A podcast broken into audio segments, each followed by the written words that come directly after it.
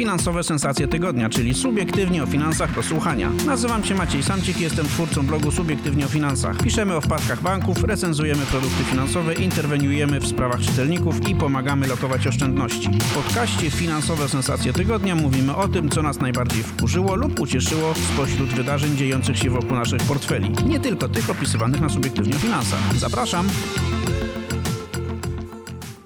Dzień dobry, dzień dobry. Witam Was w ostatnim przedwyborczym odcinku podcastu Finansowe Sensacje Tygodnia. Witamy dzisiaj w gronie 3M, czyli Maciek Danielewicz, Maciek Jaszczuk i Maciek Samcik. Będziemy się dzisiaj zastanawiać y, nad tym, co wybory parlamentarne mogą zmienić wokół naszych portfeli. E, ostatnio dużo e, dzieje się wokół stóp procentowych, dużo się dzieje wokół inflacji. Natomiast y, myślę, że wielu z nas męczy pytanie, czy po ewentualnej zmianie koalicji rządzącej w Polsce będziemy mieli jakieś zmiany, jeśli chodzi o kurs walutowy, o oprocentowanie obligacji, o inflację, e, być może e, wyceny akcji na warszawskiej giełdzie powinny się zmienić. No właśnie, czy wybory cokolwiek zmieniają, jeśli chodzi o to, co wydarzy się wokół naszych portfeli i czy a konto wyborów powinniśmy podejmować jakieś decyzje mm, finansowe, w coś zainwestować albo w coś nie inwestować. No, y, chciałbym, żebyśmy ten temat rozbili na, e, e, na kilka części. E, najpierw może rzecz teoretycznie najprostsza, czyli rynek kapitałowy. Chłopaki, czy waszym zdaniem, jakby się okazało, że premierem jest Donald Tusk, a nie Mateusz Morawiecki, to wyceny polskich akcji, zwłaszcza tych z WIG-20, powinny być wyższe niż dzisiaj są? To znaczy, ja mam taką propozycję, y, to bardzo fajna wizja, tak, taka alternatywa, ale nie tak szybko się te rzeczy dzieją y, w świecie politycznym. Mm, natomiast jakby jeszcze trochę mm, uprzedzając e, wyniki wyborów, no bo one też nie będą od razu, prawda? Nie będą następnego dnia i następnego dnia po wyborach też nie zmieni się rząd i większość parlamentarna, e, to trzeba powiedzieć, że na rynkach finansowych, na rynku kapitałowym na przykład, zazwyczaj e, reakcje są jakby przed jakimś ważnym wydarzeniem, bo wtedy można więcej zarobić, czyli, czyli powiedzmy zarabia się na jakichś spekulacjach, takich przewidywaniach. Rynek generalnie wycenia przyszłość, tak? Tak. I, i można wtedy nawet y, czasami zobaczyć większe y, ruchy na rynku niż już po jakimś wydarzeniu, które, które powiedzmy, że już y, pewne, pewne działania rynków Tylko finansowych. Wiecie, jaki jest problem, że na rynku kapitałowym nic się nie wydarzyło.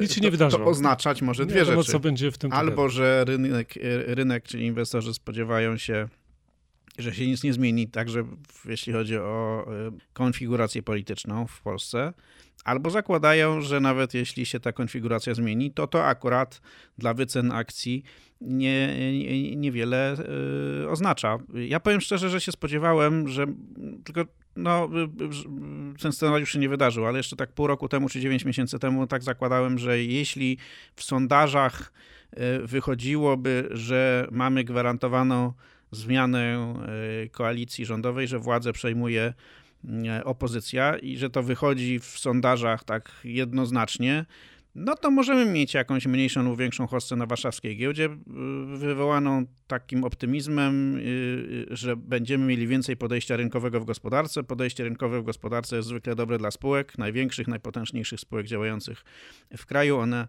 mają szansę po prostu działać w lepszym otoczeniu i być może być lepiej zarządzane, ale to się nie wydarzyło. No i teraz pytanie, czy to, to fakt, że to się nie wydarzyło, cokolwiek oznacza, czy też, czy też nie. Pamiętajmy, że jednym z takich czynników, który no, wydaje się, że na dekadę w tej chwili zabił naszą giełdę, no to było e, wypatroszenie OFE, które były tym takim e, głównym e, dostawcą kapitału, czy może nie głównym, ale jednym z większych dostawców kapitału, takiego regularnie napływającego, napływających pieniędzy na warszawską giełdę. No, no to się... Zamiast tego mamy PPK. No ale te PPK w tej chwili. To nie jest taka skala. Tak, to jest y, no, prawdopodobnie no, e, OFE jeśli dobrze pamiętam, e, gdzieś pewnie miały w okolicach 300 miliardów złotych zgromadzonych u szczytu swojej, e, swojej skali. PPK chyba przekroczył 10 miliardów, jeśli dobrze pamiętam, więc... No i 150 miliardów właściwie znikało. Tak, 150 miliardów wycofano. Zatrzym, za ta reforma z, z czasów no, no, przeprowadzone przez ministra Rostowskiego, ministra finansów w rządzie, w rządzie PO-PSL. No ona doprowadziła do tego, że zatrzymały się dopływy, jakby i to wszystko troszkę tak e, przymarło. No plus ogólna dekoniunktura, no bo pamiętajmy, że, że tamte lata przed tym cudem gospodarczym, tak zwanym po 2015 roku, który nie wiem ile miał związanego z tym, kto akurat rządził, e, a ile podwaliny pod ten cud dało to zaciskanie pasa wcześniejsze, no to jest pewnie dyskusja dla, dla historyków ekonomii za jakieś 20 lat. No ale mieliśmy okres dużej dekoniunktury w gospodarce.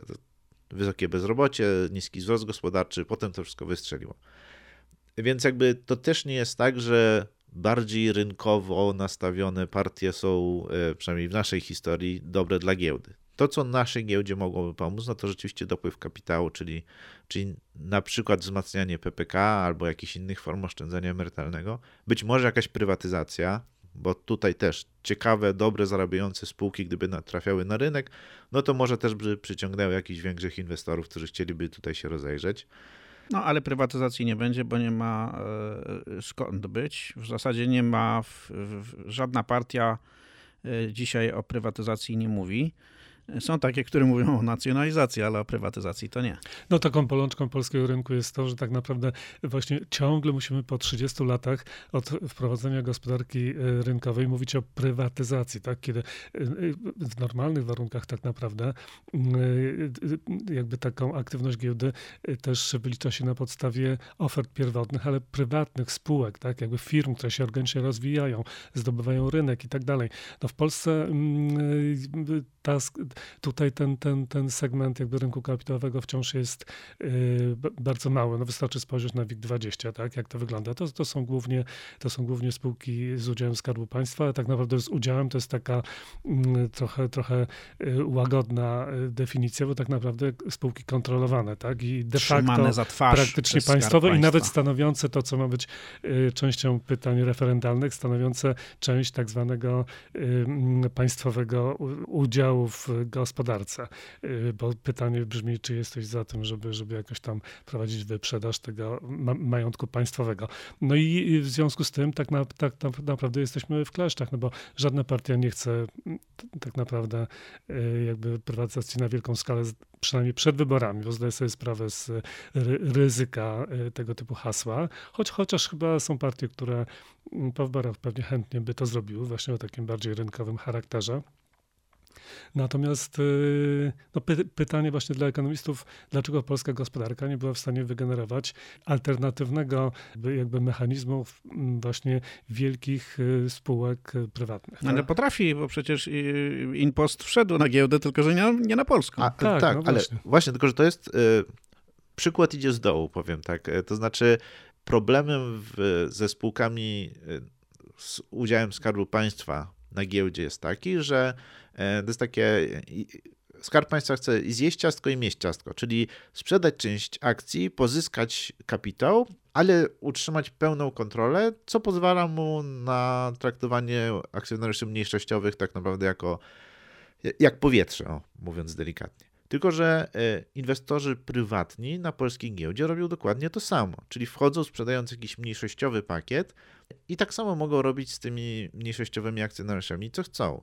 Tymczasem, nie wiem, w Stanach Zjednoczonych, jeżeli się wchodzi na giełdę, to się wchodzi na giełdę. To znaczy sprzedaje się większość udziałów. No, czy Mark Zuckerberg, czy, czy, czy nawet e, ma kilka procent udziałów w Facebooku, tak?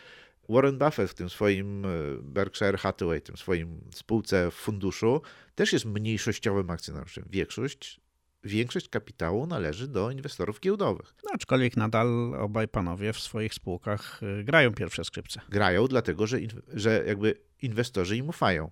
Do, w... Czasami piszą listy, co prawda, Czasami do Marka Zuckerberga, ale, zaniepokojeni, ale ogólnie... Z pozdrowieniami dla Elona Muska. Pamię, pamiętajmy o, o, na przykład o tym słynnym, jak Steve'a Jobsa wywalono z Apple, mimo że to było jego spółka, jego dziecko, no ale stracił zaufanie akcjonariuszy, rady, rady tych... E, no tak. no, trzeba się postarać wśród akcjonariuszy. W tak. Polsce trzeba się postarać wśród rządu na przykład i polityków. Albo tak, albo jak to w, w spółkach takich rodzinnych, no trzeba po prostu...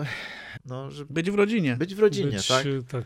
Nie zawieść oczekiwań rodziców i wtedy się jest wiceprezesem albo... albo e, no do Rady Nadzorczej można tak, wejść. można wejść. Więc y, nie wiem, czy tutaj można bardzo liczyć na to, że, że coś się tak bardzo drastycznie zmieni. E, przypuszczam, że jak zmieni się koalicja rządząca, to przyjdzie też wielka miotła, miotła, żeby pozamiatać w tych zarządach spółek, e, spółek z udziałem Skarbu Państwa i tych na giełdzie, i tych poza giełdą. Ale może będą potem lepiej zarządzane? No ja właśnie się obawiam, że to jest tak, że e, tak co, co kilka lat właśnie w tym rytmie takim wyborczym mam do czynienia z czymś takim, że trochę zacieśnia się pętla na szyi rynku kapitałowego i spółki, które tam kiedyś miały być zarządzane właśnie tak bardzo przejrzyście, tak, na zasadzie konkursów, władze spółki i tak dalej i właśnie z pełnym szacunkiem dla inwestorów, nawet mniejszościowych, to, to po tych kilku kadencjach y, mm, sytuacja się zmieniła i teraz wydaje mi się, że każda kolejna na przykład koalicja rządząca może chcieć wy, wykorzystać, dlatego że wygodnie mieć y, po prostu wielkie spółki y, mm, kontrolowane przez siebie, przez, przez też częściowo polityków i oczywiście można krytykować, ale potem na przykład twórczo rozwija się pewne, mm, pewne już e, osiągnięcia poprzedników. E, nie chce się z tego rezygnować, bo to już jest wygodne, to już jest jakby gotowe, więc obawiam się, czy to nie będzie tak, że już kilka, i to właśnie tutaj żadna partia nie jest bez winy, tak? Od, od właściwie 20 lat, na 20 paru, można zaobserwować to, że tak samo jak no, coraz mniej konkursów i takich niezależnych kwalifikacji na stanowiska urzędników państwowych, I również no, coraz mniej właśnie takich przejrzystych, transparentnych e, sytuacji w zarządzaniu spółkami. Ja, ja, ja bym się obawiał, że to, że to trochę tak zostanie mimo deklaracji, bo to jest po prostu wygodne, to daje, to daje pewne profity, ale to daje też możliwość takiej konsolidacji partii. Jeśli ktoś chce być koalicją rządzącą, to musi bardzo szeroko pójść jakby nie tylko w społeczeństwo, ale i w gospodarkę w, w Polsce i po, i po prostu ta kontrola nad tymi wiel wieloma funduszami, spółkami i tak dalej, on, ona daje możliwość jakby mm, zatrudnienia kolejnych, kolejnych jakby osób, krewnych i znajomych, y, tak, i tak dalej, ale po, po prostu no, też działaczy politycznych, tak, mm, i wtedy taka koalicja po prostu y, może rządzić bardziej stabilnie i trwale. I teraz pytanie, co na przykład akceptują inwestorzy, bo na przykład mm, no, w, w, w wielu miejscach można powiedzieć, że zmiana może być zmianą na lepiej, więc inwestorzy mogą odetchnąć, a będzie coś nowego, być może lepszego. Z drugiej strony inwestorzy też na całym świecie y, cenią stabilność. Tak może być mm, sytuacja nawet y, y, nie są zadowoleni z jakichś społeczno-politycznych aspektów zarządzania jakimś krajem, no ale jeśli mają stabilność i porządek, no to to mają pewien taki właśnie lepszy, lepszy sposób wyceny y, tych aktywów, które y, inwestują. I jest pytanie, takie, jest takie tutaj... nawet powiedzenie, hm, hm, hm, ale stabilnie. Ale stabilnie, tak. I możemy przewidzieć, obliczyć i wtedy wycenić jakby ten poziom ryzyka. No i tak pytanie, wyceniamy. No, pytanie, jest, co w Polsce się stanie. Jest polska właśnie... giełda wyceniona w taki sposób, że y, wskaźnik cena do zysku dla spółek z WIG20 w tej chwili wynosi chyba z 12, o ile pamiętam. W dnie bez niecały rok temu to było 7. W przypadku spółek średniej wielkości MBIC 40 tam było 10, jest 12 no powiedzmy sobie szczerze, e, cena zysk 10 czy 12 to, jest, to są naprawdę niskie wyceny. To jest tak, że, że w Stanach Zjednoczonych e, ten, ten średni cena zysk to jest w tej chwili chyba 24 czy coś takiego. W Europie Zachodniej, no, która też nie jest powiedzmy jakoś bardzo szczególnie wysoko wyceniana, to jest e, o te 20-30% więcej niż u nas, no ale straszne jest to, co mówicie, bo z tego wynika, że w zasadzie ta jakość zarządzania, ona się nie zmieni, bo ona wynika po prostu z konstrukcji gospodarki, a nie z tego, kto rządzi e, e, w, e, w, w kraju. I tak powoli zaczynam dochodzić do wniosku, nie, do, do wniosku, nie wiem, co, co na to nasi kochani słuchacze, że może jednak ten Balcerowicz ma rację, że to trzeba wszystko sprywatyzować, zostawić państwowe tylko druty, druty i szyny, a wszystko inne powinno być prywatne, no bo jak nie jest, to jest po prostu, jak ty powiedziałeś Maćku Danielewiczu, że gwarantuje stabilność działania koalicji rządzącej, tak? Tak, tak. Im, im dłużej chce rządzić, to musi pójść szerzej jakby w całość życia y, publicznego, czyli w tym gospodarczego. No dobra, to teraz pogadajmy chwilę o, o stopach procentowych i o inflacji. E, no bo to jest temat e, ogromny rzeka, temat. ogromny, ale ch chciałbym, żebyśmy e, skupili się tylko na jednym wątku. Jesteśmy po dwóch obniżkach stóp procentowych i być może będziemy mieli zmiany rządów. Czy to oznacza, że stopy procentowe już niższe nie będą, ponieważ nowa koalicja rządowa no, będzie chciała z inflacją walczyć prawdopodobnie, a może nie. No, gdyby chciała walczyć, no to pewnie będzie y, nie tylko po swojej stronie jakieś y, reorganizację wydatkową proponowała, ale też być może zaproponuje Narodowemu Bankowi Polskiemu, żeby też się wziął za walkę z inflacją. Jak myślicie, to jest możliwe? No tak, no, trzeba pamiętać, że y, y, mm, w Narodowym Banku Polskim y, nie ma wyborów jeszcze, tak? Były rok temu, został wybrany prezes Adam Glapiński na kolejną sześcioletnią kadencję, czyli mamy jeszcze pięcioletnią jego kadencję. To przekracza nawet perspektywę tego przyszłego rządu, czteroletnią, tak? E, czyli w polityce e, Narodowego Banku Polskiego no, nie musi się wiele zmienić, a być może się coś, co, coś zmieni. To znaczy, w tej chwili mam taką sytuację, że e, prezes Narodowego Banku Polskiego prognozuje inflację w październiku na poziomie 7%. Deklarował wcześniej, że te 5-6, no to jest taki na razie taki krótkoterminowy jakby cel inflacyjny, do, do którego chciałby dojść pewnie do końca roku. Nie wiem, czy to się uda.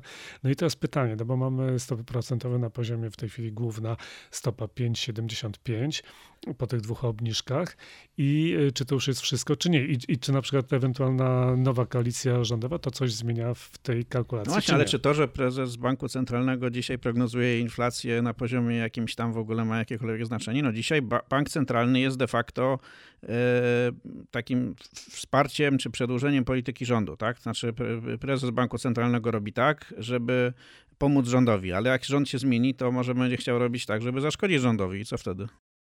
Przede wszystkim chciałem powiedzieć, że pan prezes ogłosił, że z inflacją już wygraliśmy, więc tutaj nie wiem do jakiej walki z czym tutaj chcesz A to ja przepraszam, no może ja już pójdę. Tak było. Tak. Nie, no ale e, tak całkiem poważnie, no tak, e, pierwsza rzecz, że e, władza w NBP się nie zmieni. Jeżeli rzeczywiście jest tak, że te decyzje, które widzieliśmy w ostatnim czasie, są motywowane politycznie, to motywacja się zmieni motywacja zostanie taka sama, natomiast ten wektor działań może, może się zmienić. Pytanie, co byłoby gorsze dla rządu? Tego, jeżeli byśmy chcieli przyszłemu rządowi zaszkodzić, a bylibyśmy prezesem NBP. Czy podnoszenie stóp i realna walka z inflacją, to wtedy by mogło jeszcze bardziej do, dohamować gospodarkę, mogłoby jakby doprowadzić do, e, do większej recesji i do bezrobocia być może, e, chociaż to ostatnie jest też poddawane wątpliwość, ale załóżmy, załóżmy, bo prezes Glapiński tak uważa, y, że wysokie stopy generują bezrobocie. No więc załóżmy, że zaczyna podnosić stopy, żeby... żeby utrudnić rządowi. Utrudnić rządowi. Jego ale, ewentualnie przewrócić, czy ale, pomóc go przewrócić. Tak, ale zgodnie z tą logiką, do której ekonomiczną, do której jesteśmy przyzwyczajeni, to powinno inflację zbić. A to powinno być dobrze dla rządu. Więc też. Y, jeżeli rząd umiałby sobie poradzić z groźbą bezrobocia, jakby i wtedy, wtedy doszłoby do tego, co w sumie w, w takiej sprawnej demokracji jest, czyli, czyli mamy równowagę, czy e, e, kontrowanie się dwóch niezależnych instytucji. Tak? Bank centralny zacieśniałby politykę pieniężną, utrudniałby, spowalniałby gospodarkę po to, żeby zahamować inflację, a wtedy rząd miałby trochę więcej miejsca na jakieś programy przeciwdziałania bezrobociu, na przykład pod tam I jakieś... wreszcie byłoby normalnie. Wreszcie byłoby normalnie i może wtedy ta złośliwość i ta zawziętość, yy, yy, która w tych jakby, która powoduje, że prezes yy, wietrzy spiski we własnej Radzie Polityki Pieniężnej, doprowadziła do pewnej normalizacji. Z drugiej strony, to co mogłoby się stać, w sensie co mogłoby być może rzeczywiście zaszkodzić rządowi, to dalsze obniżenie stóp. Czyli przedłużanie tej wysokiej inflacji, rozchwianie na przykład rynku nieruchomości, no bo widzimy, co się wydarzyło, jak tylko zaczęły stopy spadać, jak pojawił się ten rządowy program dopłat, tak zwany 2%. Ceny mieszkań wystrzeliły, popyt na kredyt y, hipoteczny wystrzelił. No bo tutaj dwie polityki stały się tak. właśnie łagodne, tak? tak? I idą w tym samym kierunku, co nie, nie jest dobre dla. Więc inflacji. jeżeli mielibyśmy wtedy odpowiedzialny rząd, chociaż też trzeba brać pod uwagę, że jeżeli, jeżeli y, ci, którzy są teraz w opozycji, przejmą rządy, to prawdopodobnie będzie to dość szeroka koalicja, która będzie musiała równoważyć bardziej prospołeczne e, poglądy e, lewicy z być może bardziej takimi liberalnymi, e, czy koalicji obywatelskiej, czy trzeciej drogi, no ale jakby gdzieś tu będzie wyważ- taki wyważony program, co też nie jest swoją drogą złe, że się różne poglądy, trzeba znaleźć jakiś jeden kompromis. No, ale mniejsza o to. Też wreszcie będzie normalnie. Też ale będzie. efektem też może, takich działań może. wewnętrznych, jakby stabilizowania koalicji może być e, jakby blokada decyzji. No tak, tak no ale, ale więc e, wyobraźmy sobie, że stopy dalej są obniżane, inflacja nie chce spadać tak jak szybko, jak, jak powinna, na rynku mieszkaniowym rośnie druga bańka. No, czy rząd by się był gotowy wtedy wycofać z programów dopłat? Co by było bolesne i, i trudne, więc yy, nie wiem. I, I więc wydaje mi się, że w sumie najgorsze, co mógłby yy, NBP robić dalej, to jest dalej szkodzić gospodarce, czyli robić dalej to, co robi. Yy, co w tej chwili pomaga w ich mniemaniu rządowi obecnemu, ale w przyszłości może szkodzić. Więc... Czyli jeśli prezes NBP będzie mniej sprytny i będzie chciał szkodzić rządowi poprzez podnoszenie stóp, to per saldo mu pomoże, ale jeśli będzie bardziej sprytny, to będzie chciał mu zaszkodzić poprzez obniżanie stóp. Tak, osłabienie, przez osłabienie złotego, tą drogą i tak dalej, i tak dalej. Więc... No bo przecież wygrał już z inflacją. Tak, wygrał. Więc cóż stoi na przeszkodzie, żeby stopy sprowadzić do zera? No właśnie, więc e, no w sumie paradoksalne, tak? Czyli, że jeżeli NBP dalej będzie chciał no to jest drogą... jakiś paradoks, który pewnie w ekonomii jakoś się nazywa nawet. Tak, pewnie. paradoks Glapińskiego. Paradoksy, tak. E, tak. E, no więc Ciekawa, ciekawa, ciekawa sytuacja. Zobaczymy, zobaczymy co tam się będzie działo. Albo paradoks więźnia. Ja mam tylko jeszcze takie tytułem podsumowania spostrzeżenie, że w, w, ostatnich latach w ogóle polityka stóp procentowych banków centralnych ma stosunkowo mniejsze znaczenie dla gospodarki, więc pytanie, czy gdyby prezes NWP chciał, delikatnie mówiąc, nie pomóc rządowi Y, poprzez dalsze obniżanie stóp, czy miałoby to jakikolwiek głęboki, czy w każdym razie no jakikolwiek na pewno by miało, ale czy miałoby to głęboki wpływ na gospodarkę w, w sytuacji, w której no, e, e, e ewentualnie rząd działałby inaczej i o, o, ograniczałby y, dopływ y, pieniądza do naszych kieszeni. No inna sprawa, że gdyby to ograniczał, to pewnie mógłby się rozpaść od środka, e, biorąc pod uwagę to, z jak różnych sił społecznych się E, składa. No i tutaj nie mamy dla Was jasnej rekomendacji. Z jednej strony wydaje się, że stopy procentowe mogą już być w dołku i, i, i po zmianie, ewentualnej zmianie władzy e, mogłyby pójść w górę, co oczywiście ma implikacje dla różnych naszych inwestycji. No a z drugiej strony, im dłużej o tym myślę, tym bardziej e, przekonuje mnie teza Maćka Jaszczuka, że to tu, tu może być raczej dalszy spadek stóp procentowych.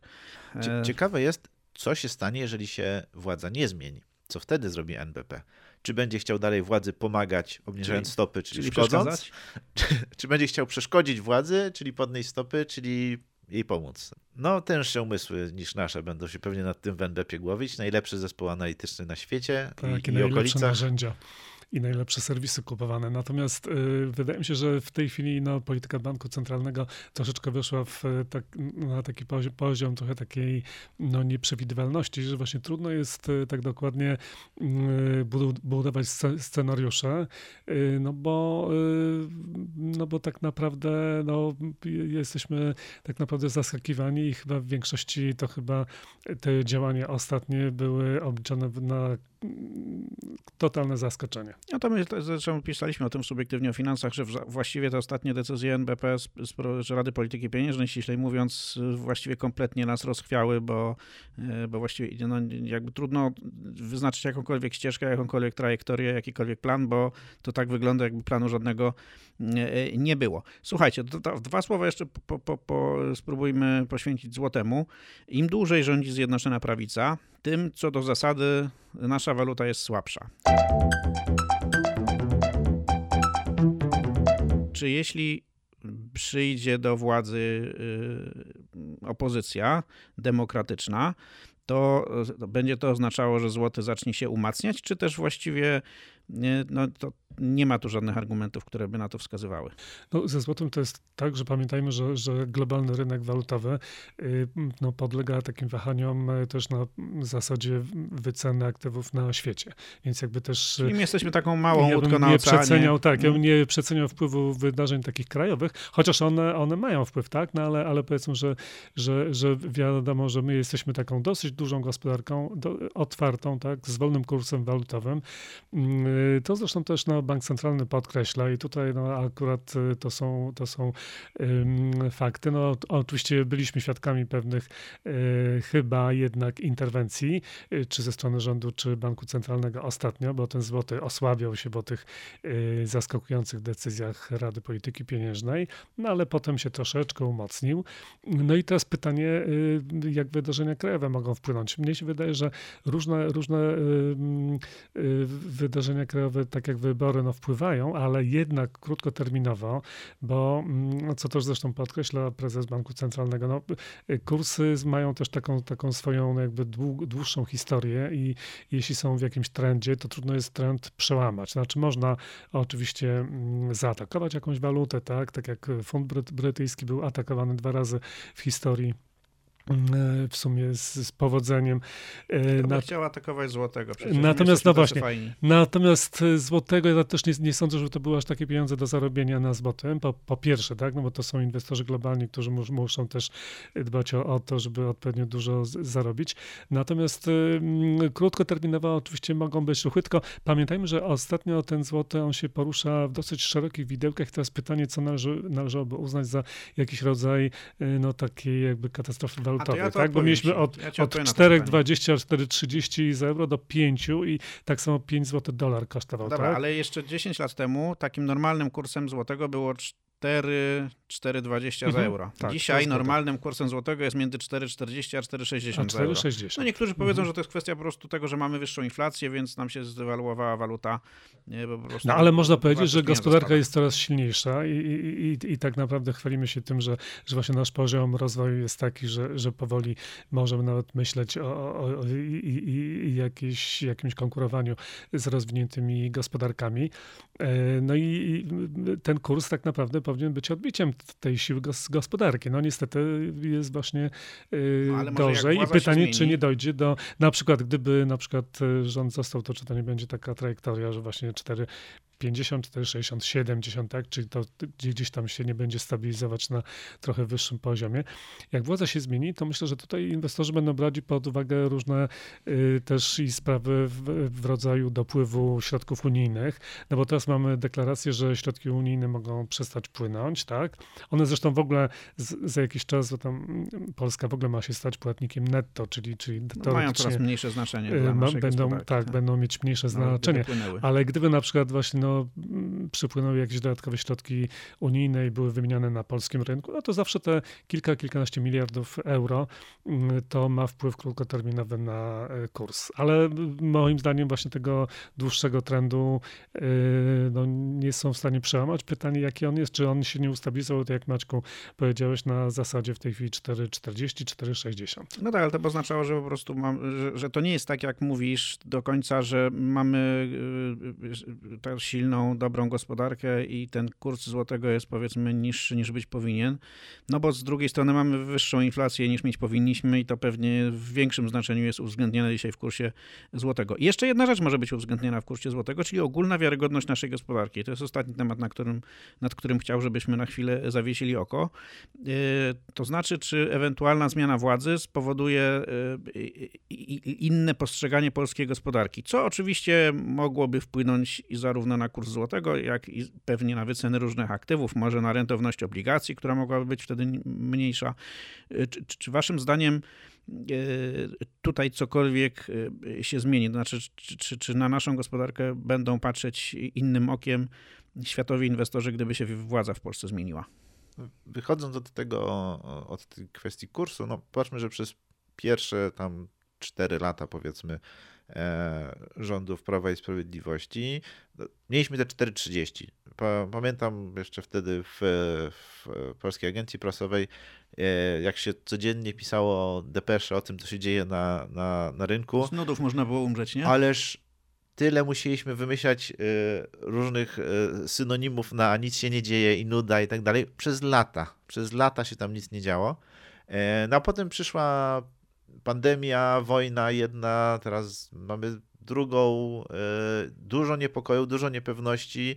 Świat troszkę się do góry nogami wywrócił, a złoty jest o 30 groszy tańszy, więc jakby to też nie jest tak, wydaje mi się, że, e, że coś tutaj może się bardzo zmienić. To znaczy, jeżeli tego typu wydarzenia osunęły naszą walutę, no ile, o 10% powiedzmy, e, no to nie przypuszczam, żeby zmiana polityków władzy mogła, tak jak Maciek Daniewicz powiedział, dużą gospodarkę e, aż tak wzruszyć. To znaczy, może się zmienić sentyment, może się trochę poprawić jakiś taki w prasie wizerunek. Natomiast Koniec końców mamy solidną gospodarkę z dobrym, zdywersyfikowanym eksportem, który przeszedł w miarę suchą nogą przez, tą, e, przez to pandemiczne rozchwianie. Poradził sobie z tymi zaburzeniami związanymi, wywołanymi przez, przez e, wojnę, przez e, rosyjską agresję w Ukrainie. I jakby i tutaj się chyba nic nie zmieni. O ile nie zrobimy jedni albo drudzy nie zrobią czegoś mega głupiego, typu wyprowadzą nas z Unii. Dopóki no tak. będziemy mieli solidny eksport i ci eksporterzy będą potrzebowali kupować i sprzedawać waluty i będziemy mieli konsumpcję, która, która też wymaga kupowania i sprzedania walut, sprzedawania walut. I jeżeli będziemy mieli e, napływające inwestycje i wypływające inwestycje, no to i, i, solidny rynek obligacji rządowych, który też, też powoduje, że inwestorzy kupują i sprzedają za złote i, i, i za euro, to ja bym się tutaj nie spodziewał, że, że coś się wielkiego w dłuższym terminie zadzieje. Znaczy, to jest jednak kwestia tego, jaką mamy gospodarkę, czyli jakie mamy przedsiębiorstwa, jakich mamy pracowników i na tym poziomie moim zdaniem trzeba szukać y, odpowiedzi, czy, czy złoty będzie silny, czy złoty będzie słaby. Chyba, że ktoś spekuluje. Jeżeli ktoś spekuluje na walutach, no to, no to tak, tutaj się może trochę dziać w najbliższych miesiącach, jak będą walki o budżet, walki o stanowiska, o, o kształtowanie jakiejś krótkoterminowej polityki. W długim terminie wszystko zależy, wszystko w rękach e, no, gospodarki. No dobra, a dług, zadłużenie Polski y, takie no, coraz mniej przejrzyste, duży deficyt y, budżetowy zaplanowany na przyszły rok, 165 miliardów złotych. Y, jeszcze tak dużej dziury w budżecie takim corocznym nie mieliśmy w historii. Czy to waszym zdaniem może mieć jakieś znaczenie? No, no tak, ale pewnie nie da się tego budżetu tak mhm. zmienić radykalnie, więc on Pamiętajmy, będzie że, że to, już zostało wy, to już zostało wycenione. To już te informacje jakby były w lecie, w sierpniu już była propozycja Mm, tego deficytu i wydaje mi się, że no, to też właśnie funkcja jakby tego y, poziomu niskiego złotego, to, to, to jest właśnie tego typu kwestia. Y, więc jakby tutaj nowych informacji pewnie nie dostaniemy gorszych, y, bo one już są dostatecznie jakby, jakby złe. No tylko no, pamiętajmy, że tak naprawdę inwestorzy czasami obliczają na poziomie właśnie takim, że może nie tyle kwoty nominalnej, ale na, na poziomie tego, jaki to ma, jaką to ma relację właśnie do PKB, jak, jak szybko rośnie gospodarka, mniej więcej jakie są perspektywy przede wszystkim, no to, no to tutaj nie wygląda to aż tak bardzo źle w porównaniu z innymi krajami europejskimi i ja tutaj się zgadzam z tym, co Maciek Jaszczuk powiedział, że jakby nasza gospodarka ma ogromny atut, może nie jest, bo my czasami narzekamy, że właśnie spółki na giełdzie są państwowe, takie tradycyjne przemysły, wydobywcze, paliwowe, banki. Tak? Ceny energii pewnie będziemy mieli jeszcze przez 10 lat wysokie. Z dru, z dru, i, i, I to właśnie jest źle, właśnie nie, nie ma takich dużych prywatnych spółek i tak dalej, i tak dalej. Natomiast jakby pomijając ten, te kwestie rynku, rynku finansowego, to jakby tak, taka baza naszej gospodarki jest, jest bardzo, bardzo szeroka. Mamy bardzo zdywersyfikowaną tę gospodarkę, czyli zróżnicowaną. Jest bardzo dużo, oprócz tych wielkich spółek, też jest bardzo dużo tak naprawdę średnich, mniejszych firm prywatnych, dostawców, poddostawców y, i tak dalej, tych firm, które eksportują y, produkty, tak. Nie jesteśmy może liderem w jakichś innowacjach, czy nie mamy marki narodowej, tak jak niektóre kraje kojarzone, wręcz jak kiedyś Finlandia z, no, z Nokią, y, no, ale też i, i to jest jakby też może droga nie dla Polski. Polska jakby przez te 30 lat wypracowała sobie taki swój model, który polega na tym, żeby iść maksymalnie szeroko, żeby jakby pozwolić wszystkim mniej więcej proporcjonalnie się mm, aktywizować w gospodarce i, i, i bogacić tak, na swoją skalę. I myślę, że jeśli to zostanie utrzymane, że na przykład też i średnie i małe firmy będą mogły działać, jakby mm, te, ten system podatkowy będzie korzystny y, y, dla wszystkich, a w sumie nie ma partii, które by chciały jakoś to zablokować bo to jest być albo nie być w ogóle. Nie mów proszę, że obecny Polaków. system podatkowy jest korzystny. Nie, nie, nie, nie, ale właśnie y, nie, nie, jeśli byłyby zmiany, to moim zdaniem no, powinny być tylko na lepsze, tak? Yy, oczywiście zawsze mogą być zmiany tak, na lepsze. Jeśli, to, już być nie może. Yy, ale jeśli nawet, jeśli nawet oceniamy ten system podatkowy jako nie za dobry, a mimo wszystko ta gospodarka jakoś, jakoś sobie daje radę, yy, tak jak z kursem walutowym, prawda? No, czasami się mówi, że a, niski kurs dobry dla eksporterów, a, tak dalej. No, generalnie ci, którzy handlują za granicą, lubią tak, taką stabilność, przewidywalność, a dostosują się jakoś tam na podstawie jakichś zabezpieczeń e, mm, finansowych, tak, czy, czy innych e, do kursu. Bardzo, Byle Maćku, lubię, bardzo Maćku lubię twój optymizm i taką e, sielską wizję, którą roztaczasz. O, o, obyś miał rację, że tak właśnie jest. Ja mam tylko jedną wątpliwość, czy, czy my przypadkiem, jak o tym tak mówimy i myślimy, nie żyjemy już trochę przeszłością, bo jednak przez te 8 ostatnich lat trochę się zmieniło, trochę ta gospodarka została dociśnięta przez państwowe monopole, przez niestabilny system podatkowy, przez niestabilny system prawny i przez nie, kompletnie niewydolne e, sądownictwo.